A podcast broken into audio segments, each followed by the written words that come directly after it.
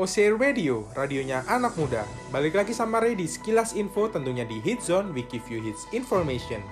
Di DKI Jakarta sudah terjadi banjir lagi seperti yang dilansir oleh Detik News. Beberapa wilayah di Jakarta banjir karena diguyur oleh hujan lebat dan juga disertai angin.